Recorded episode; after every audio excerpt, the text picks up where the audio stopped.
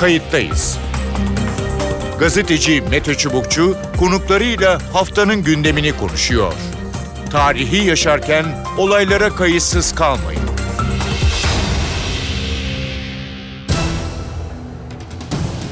İyi günler bir kayıttayız programıyla daha karşınızdayız. Tarihe ışık tutmak ve olan biteni anlamak için önümüzdeki dakikalarda sizlerle birlikte olacağız. Ben Mete Çubukçu, editörümüz Sevan Kazancı. Kayıttayız da bu hafta Asya'nın iki nükleer gücü, Pakistan'la Hindistan arasındaki gerilimi konuşacağız. Gerilimin kaynağı tartışmalı Keşmir bölgesi. İngilizlerin 1947'de bölgeden çekilmesi sonrası Pakistan ve Hindistan arasında Keşmir sorunu bir türlü çözülemedi. Sınırlar çizildi ancak mevcut durumdan kimsenin memnun olduğu söylenemez. Geçtiğimiz hafta Hindistan'ın Pakistan toprakları içerisinde bir kampa saldırı düzenlenmesinin ardından İslamabad Hindistan'a ait iki savaş uçağını düşürdü. Uluslararası toplum bu süreçte teyakkuza geçti. Başta Birleşmiş Milletler ve Avrupa Birliği olmak üzere birçok kurumdan itidal çağrısı geldi. Bu süreçte Pakistan Başbakanı İmran Han, Cumhurbaşkanı Tayyip Erdoğan'la telefonla görüştü ve tansiyonun düşürülmesi için devreye girmesini istedi çünkü nükleer iki güç söz konusuydu. Pakistan-Hindistan gerilim bir savaşa evrilir mi? Nükleer güçlerin sıcak çatışmaya girme ihtimali var mı? Türkiye bu süreçte neler yapabilir? Keşmir sorunu nasıl çözülür? Yanıt bekleyen soruları iki konuğumuzla değerlendireceğiz.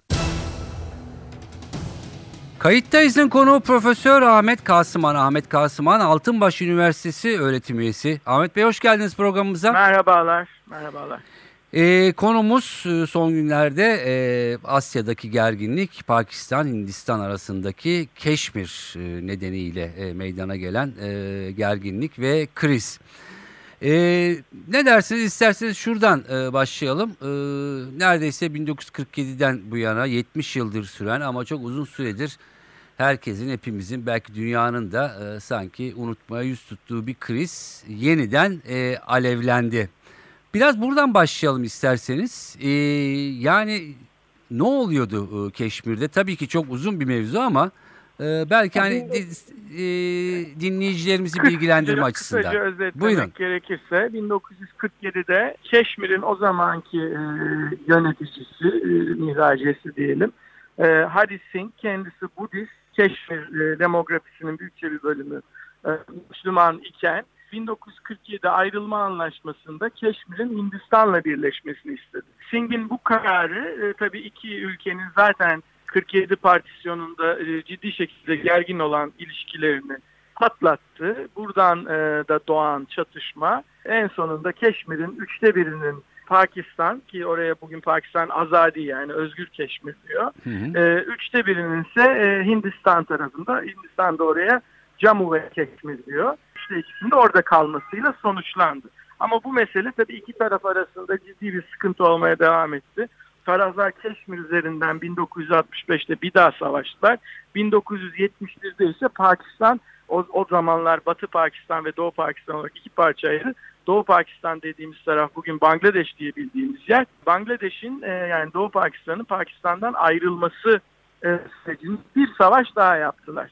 Bu savaşların neredeyse hepsinde Hindistan tarafı daha büyük bir avantaj elde ederek çarpışmalardan çıktı. Yani konvansiyonel üstünlüğünü de Pakistan'a kabul ettirdi. E, o gün bugündür ya da bu işte uzun e, tarih boyunca Keşmir sorununda hiç bitmedi. 71'den sonra 99'da Kargil Savaşı, işte sonra e, Hindistan'da işte Mumbai saldırıları, 2016 saldırıları vesaire vesaire bu mesele böyle e, iki taraf arasında devam etti. Hı hı. Bu e, sorunun e, tabii başka bir karakter kazanmasıysa 1970'lerin başında Hindistan'ın e, 74'te Hı hı. arkasından 98'de de Pakistan'ın e, nükleer güç haline gelmeleri. Tüm dünyanın e, gözünü daha da dikkatli döndüğü bir e, mesele haline aldı. Peki e, o zamanlar yani 1947'de İngilizler çekilmek durumunda kaldıktan e, sonra neden anlaşılamadı? Bir referandum söz konusuydu. Hala e, diplomatik e, belgelerde var ama bir türlü orada herhalde Evet. yapılamadı değil mi? Yok e, bu yapılamadı. E, Pakistan tarafı e, bu referandumun yapılması gerektiğini söylüyor. Hindistan tarafı aynı referandumun Pakistan tarafında da yapılması gerektiğini, işte alınan kararın o gün Birleşmiş Milletler Anayasası çerçevesinde altında alındığı bölümün Birleşmiş Milletler Güvenlik Konseyi'nin zorlayıcı nitelikte kararlarından bir tanesini temsil etmediğini vesaire söylüyor. Hukuki e, uzun manzumeleri var e, meseleyi niye e, bu şeyle çözmediklerine Evet. dair.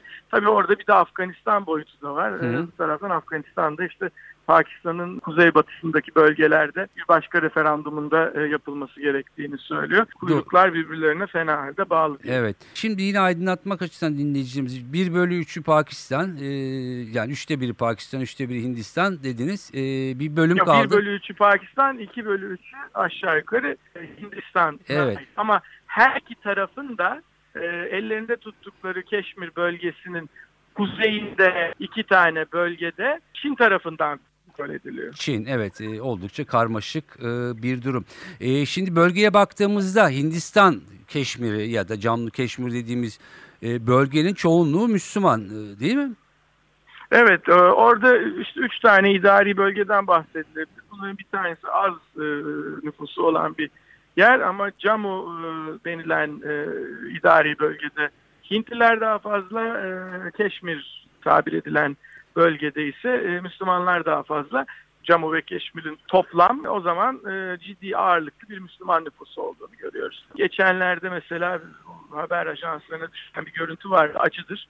E, Müslüman bir e, anne oğlunu e, kaybetmiş. Evet. O kadıncağız öyle bir noktaya gelmiş ki hani burayı batırsınlar diyor yani. Bırakın burası kimsenin olmasın burası batsın diyor. Evet. E, suyun altında kalsın diyor. Yani sanki insan böyle- trajedisi her yerde insan. Evet biraz da gözlerden e, uzak kalınca böyle manzaralar ortaya e, çıkıyor. Peki bu e, son e, gerginliğe e, gelecek olursak Hindistan e, e, Pakistan tarafında Keşmir'de işte bir takım tırnak içinde örgütlerin onlara terör örgütleri diyor e, kendilerine yönelik saldırıda bulunduğunu e, iddia ediyor. hı. Bununla mı e, alevlendi e, yoksa hani böyle bir ortam vardı fırsat e, ortaya çıktı Hindistan böyle Bun, bir- bun- bununla patladı demek daha doğru Ee, ama alevliydi. 2016 çok e, zor bir yıl olarak geçti. 2018 ise bu bölgedeki e, çatışmaların, iç çatışmaların en üst seviyeye vardığı bir dönem oldu. 500 küsur insan ölmüştü.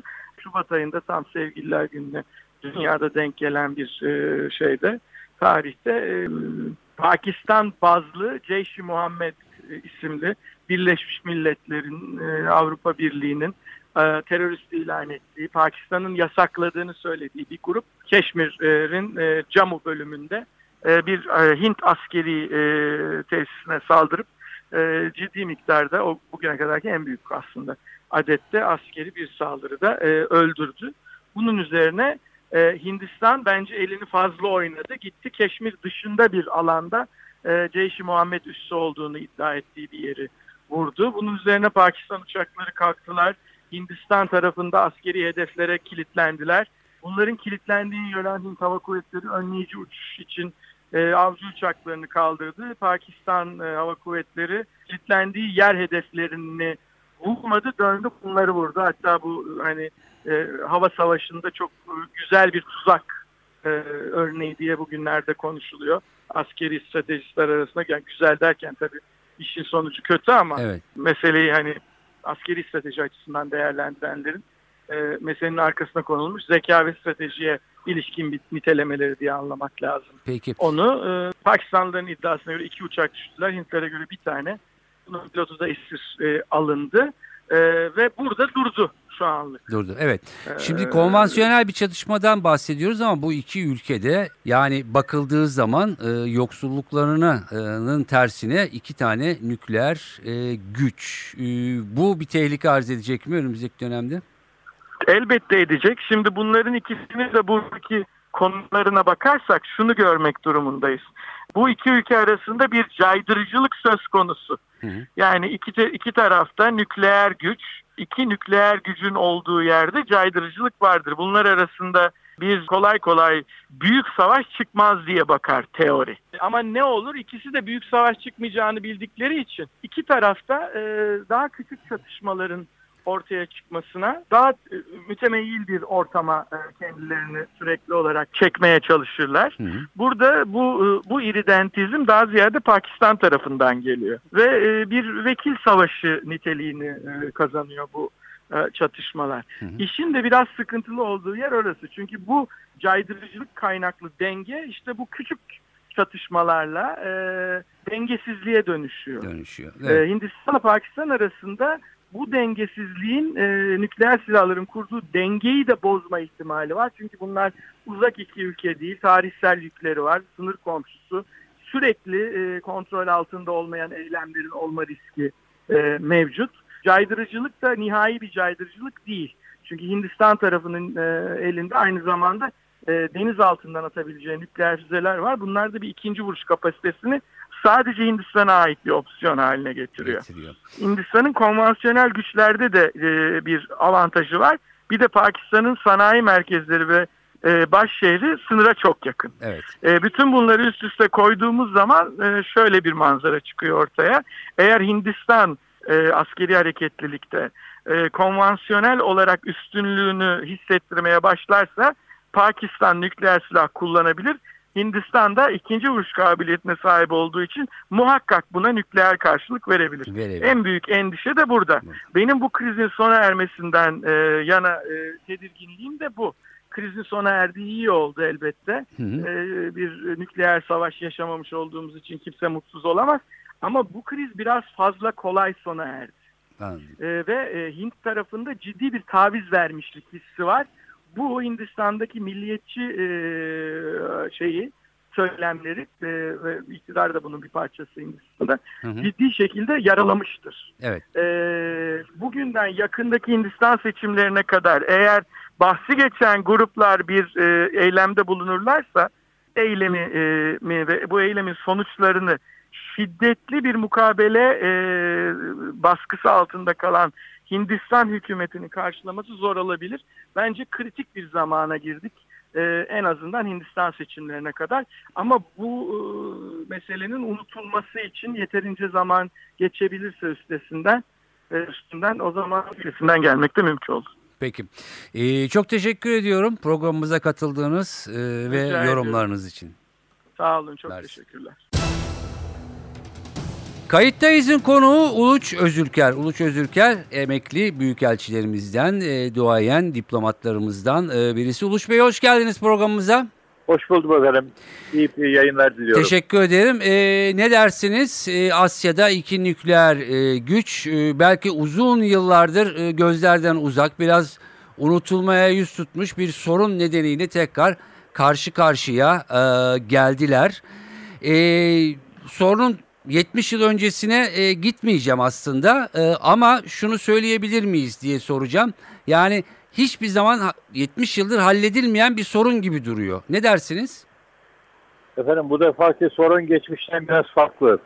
Biliyorsunuz e, 1947 yılında İngiltere e, çekildiği zaman Hindistan'dan Hı hı. o, Pakistan ve Hindistan olarak ikiye böldüler. Bu kapsam içinde de İngiltere e, esas itibariyle sıkıntılı bir e, konumda bulunduğunu bildiği Keşmir meselesinde Hı hı. bir- doğrudan doğruya bir tutum almayı tercih etmedi ve de sorunu bir bölünme içinde halletmeyi tercih etti. Evet. Aslında bu İngiltere'nin dünyanın her tarafında gerçekleştirdiği böl ve yönet politikalarında bir tezahürüdür diye bakmak lazım. Hı hı. Bunun bir kısmı e, Hindistan'da kaldı, bir kısmı da Pakistan'da kaldı. Şimdi burada esas itibariyle bir de Çin'in tabii de gene Keşmir'de bir, bir parçası var ama o esas itibariyle Hindistan-Pakistan arasındaki sorun kadar önem taşımıyor. Hı. Şimdi buradaki esas sorunun temeli şuydu geçmişte.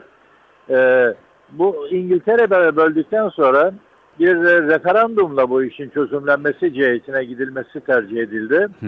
Ve Keşmir halkına sordular kime bağlanmak istiyorsunuz diye. Yanlış hatırlamıyorsam en az bir yüzde seksenin üzerinde bir e, oyla oradaki Müslüman e, toplum e, Pakistan'la bütünleşmek istediği hususunda bir e, karar verdi. Evet. Fakat e, Hindistan bunu kabullenmedi efendim. E, ve bu bölünmeyi fiili bir durum haline getirdi. Sonuç itibariyle de, itibariyle de bu taraflar arasında üç tane savaşa sebebiyet verdi. Hı hı. Birincisi 1947'dedir bir sonuç alınamadı. İkincisi gene yanlış hatırlamıyorsam 1965'tedir. Evet. Üçüncüsü de e, 1997 diye hatırlıyorum. Evet. Bu üç savaşta da netice itibariyle e, tarafların biraz daha bu işin üzerinde de e, birbirinden ayrıştıkları ve e, artık çözümlenmez bir noktaya gelmiş olan bir sorun haline dönüştü. Hı hı.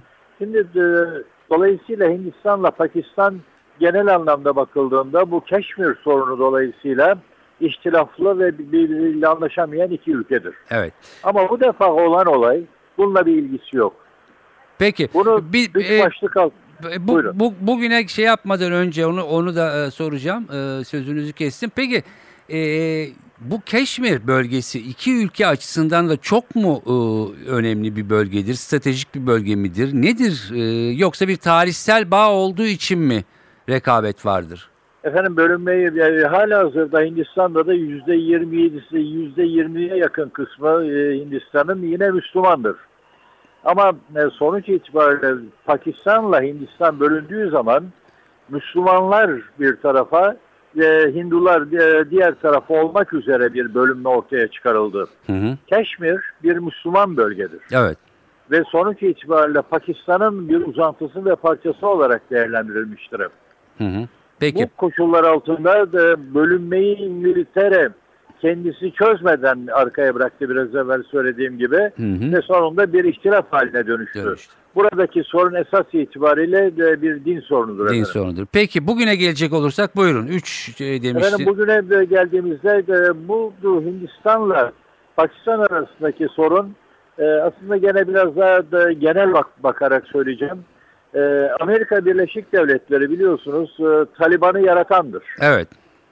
Yine aynı şekilde El-Kaide vesaire ve IŞİD bütün bunların hepsinin yaratanı da bir noktada Amerika Birleşik Devletleri olmuştur. Ve hep beraber bunun e, etkisi altında ve aynı zamanda onun ceremesini çeken ülkeler olarak hep beraber yaşıyoruz. Evet. Şimdi bu koşullarla Amerika Taliban'ı yaratırken Pakistan'a bir üs olarak kullandı. Ve özellikle Keşmir bölgesine yakın e, bölgeler ve Keşmir'de dahi e, Selefi okulları açtı. Evet. Hı. Ve buralarda yetiştirmiş olduğu Taliban ve diğer e, e, grupları e, bir şekilde Sovyetler Birliği'ne karşı kullandı ve Sovyetler Birliği'nin çekilmesini hazırlayan esas itibariyle de bu gelişmeler oldu. Evet.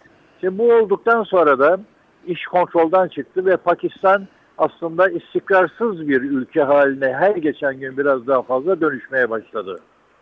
Bu arada Hindistan Hı. kendini silahlı kuvvetler dahil e, önce Sovyetler Birliği ile çok yakın ilişki içindeydi.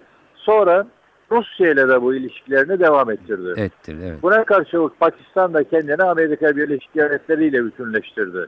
Yani her halükarda burada Hindistan-Pakistan arasında yine bir Amerikan-Rus e, tabir caizse bilek güreşini de görmek lazım. Hı hı. Ama e, diğer taraftan da e, esas sorun olarak ortaya çıkan bu Selefiler vesaire derken e, Pakistan'ın özellikle kuzeyinde yuvalanmaya başlamış güçlü bir ve terör odağı olaraktan değerlendirilmeye başlanmış olan bir gruplaşmalar ortaya çıktı efendim. Hı hı. Ee, Hindistan'a en son biliyorsunuz askerler de, de öldü. Aynı Evet. şekilde sivillerden de çok büyük kayıplar oldu. Burada da gerçekleştirilmiş olan terör eyleminin Hindistan temelinin e, Pakistan'daki bir bölgeden kaynaklandığını, oradaki bir grubun eseri olduğunu saptadığını iddia ederek bir hava akını düzenledi. Hı hı. Ve gitti Pakistan topraklarını vurdu. Başka bir ifadeyle terörist adı altında fiilen e, ciddi bir hava akınıyla orada Pakistan topraklarına tecavüz etmek suretiyle bu kişileri ortadan kaldırmaya çalıştı. Evet. Bu tabiatıyla uluslararası hukuk açısından bir suçtur. Yani kendi başınıza bir takım şeyleri sö- böyle cezalandırmaya kalkarsanız Hı hı. o zaman işte çatışmalarında yolunu açmış olabiliyorsunuz. Bunun karşılığında Pakistan hemen e, reaksiyon vermedi. Ancak e, Hint- Hintliler uçaklarını göndererek yeniden hudut tecavüzünde bulunmaya devam ettiler. Ve ikinci vücut hudut te- tecavüzünde bu defa Pakistan Hava Kuvvetleri karşılık verdi ve Hint uçağını düşürdüler. Düşürdü. İki Hint uçağı düştü ve bu arada e, Hintli pilotlar e, Pakistan topraklarında yaralı olarak kurtuldu. Hı hı. Şimdi buraya gelindiğinde karşılıklı olarak e, tansiyon yükselmeye başladı. Yalnız bu tansiyon yükselmesi aslında bu iki ülkenin e, kendi işlerindeki bir çatışmanın çok ötesinde bir değerle e, dünya çapında e, ele alınmaya başlandı. Çünkü bugün dünyada 9 tane nükleer silah sahibi olan ülke var. Evet. Kuzey Kore'de en son ortaya devreye giren. Ama Hindistan ve Pakistan e, her ikisi de Çin kaynaklı olarak nükleer silaha sahip e, bulunan ülke konumuna geçmişlerdir. Ve bu kapsam içinde de eğer herhangi bir çatışmaya girilirse ve bu sadece Evet. bir e, hani e, tabiriyle söyleyeyim it dalaşı şeklinde de, cereyan etmeyecek ise o zaman bir nükleer savaş tehdidi altında dünyanın çok ciddi bir riskle karşılaştığı düşüncesi hakim olmaya başladı. Evet. E, esas itibariyle de bugün çekinilen husus Hindistan'la Pakistan'ın sadece karşılıklı olarak risk dalaşıyla yetişmeyip bunu daha da büyütüp bir savaş haline dökerlerse buradan da bir nükleer silah kullanma noktasına kadar taşınırsa bunun dünya için yaratacağı büyük tehlikeyi hep beraber görmüş olarak bunu önlemenin yolunu arayan ülkeler grubu olarak ortaya çıkıldı. Peki. Ee, şunu sormak isterim. Ee, özellikle Pakistan tarafı Türkiye'den ara bulucu olması konusunda e, yardımda bulundu. Gelen haberler e, böyleydi. E, ne dersiniz? E, Türkiye e, bu süreçte neler yapabilir? E, Keşmir sorunu tabii ki bugünden yarına çözülmez ama bu en son gerilim ve krizde e, bir e, ara bulucu rol oynayabilir mi?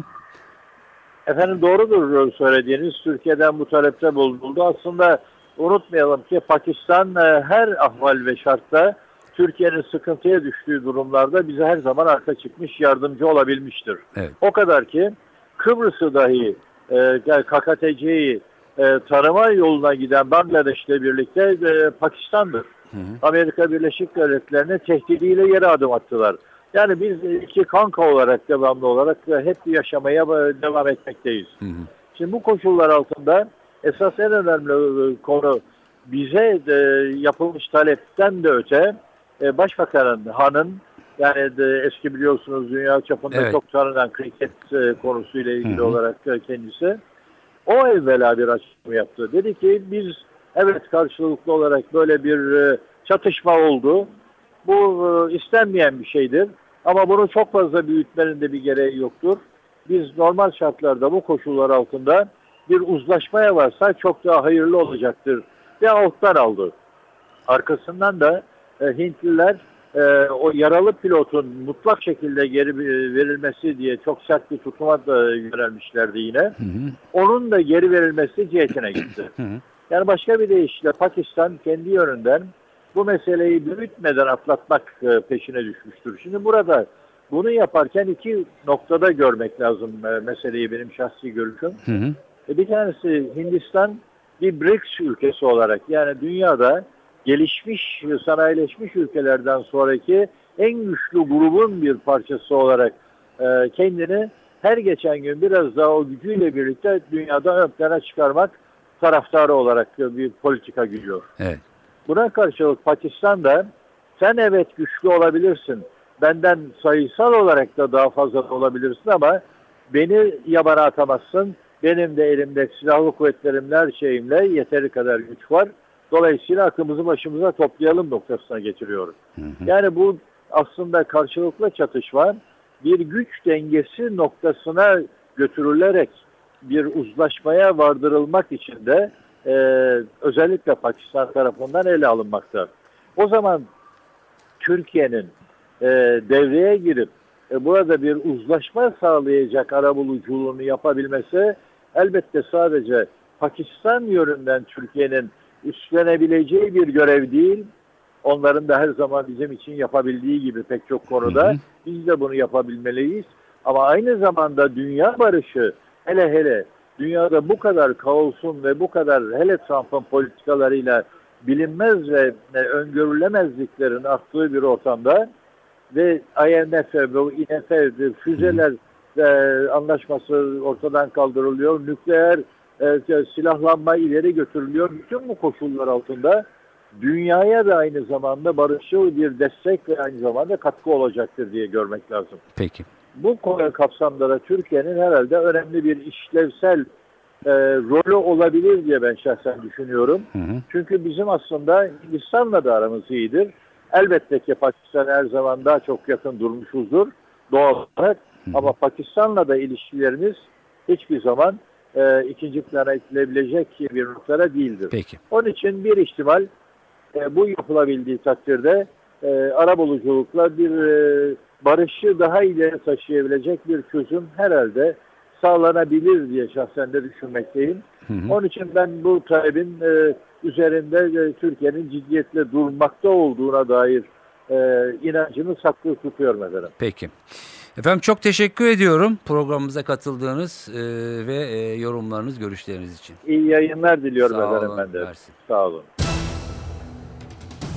Evet, görüşler böyle 1947'den bu yana 70 küsur yıldır devam eden bir sorun. Gözlerden uzak, biraz coğrafyadan uzak ancak her iki ülke açısından da çok önemli. Özellikle Pakistan açısından Keşmir sorunu iki nükleer güç söz konusu Asya kıtasında. Dolayısıyla gerilimin bir an önce indirilmesi, aşağıya çekilmesi, tansiyonun düşürülmesi gerekiyor. Bakalım önümüzdeki günlerde neler olacak. Ben Mete Çubukçu editörümüz Sevan Kazancı. Kayıttayız'dan bu haftalık bu kadar. Önümüzdeki hafta farklı bir konuyla tekrar buluşmak üzere. Hoşçakalın.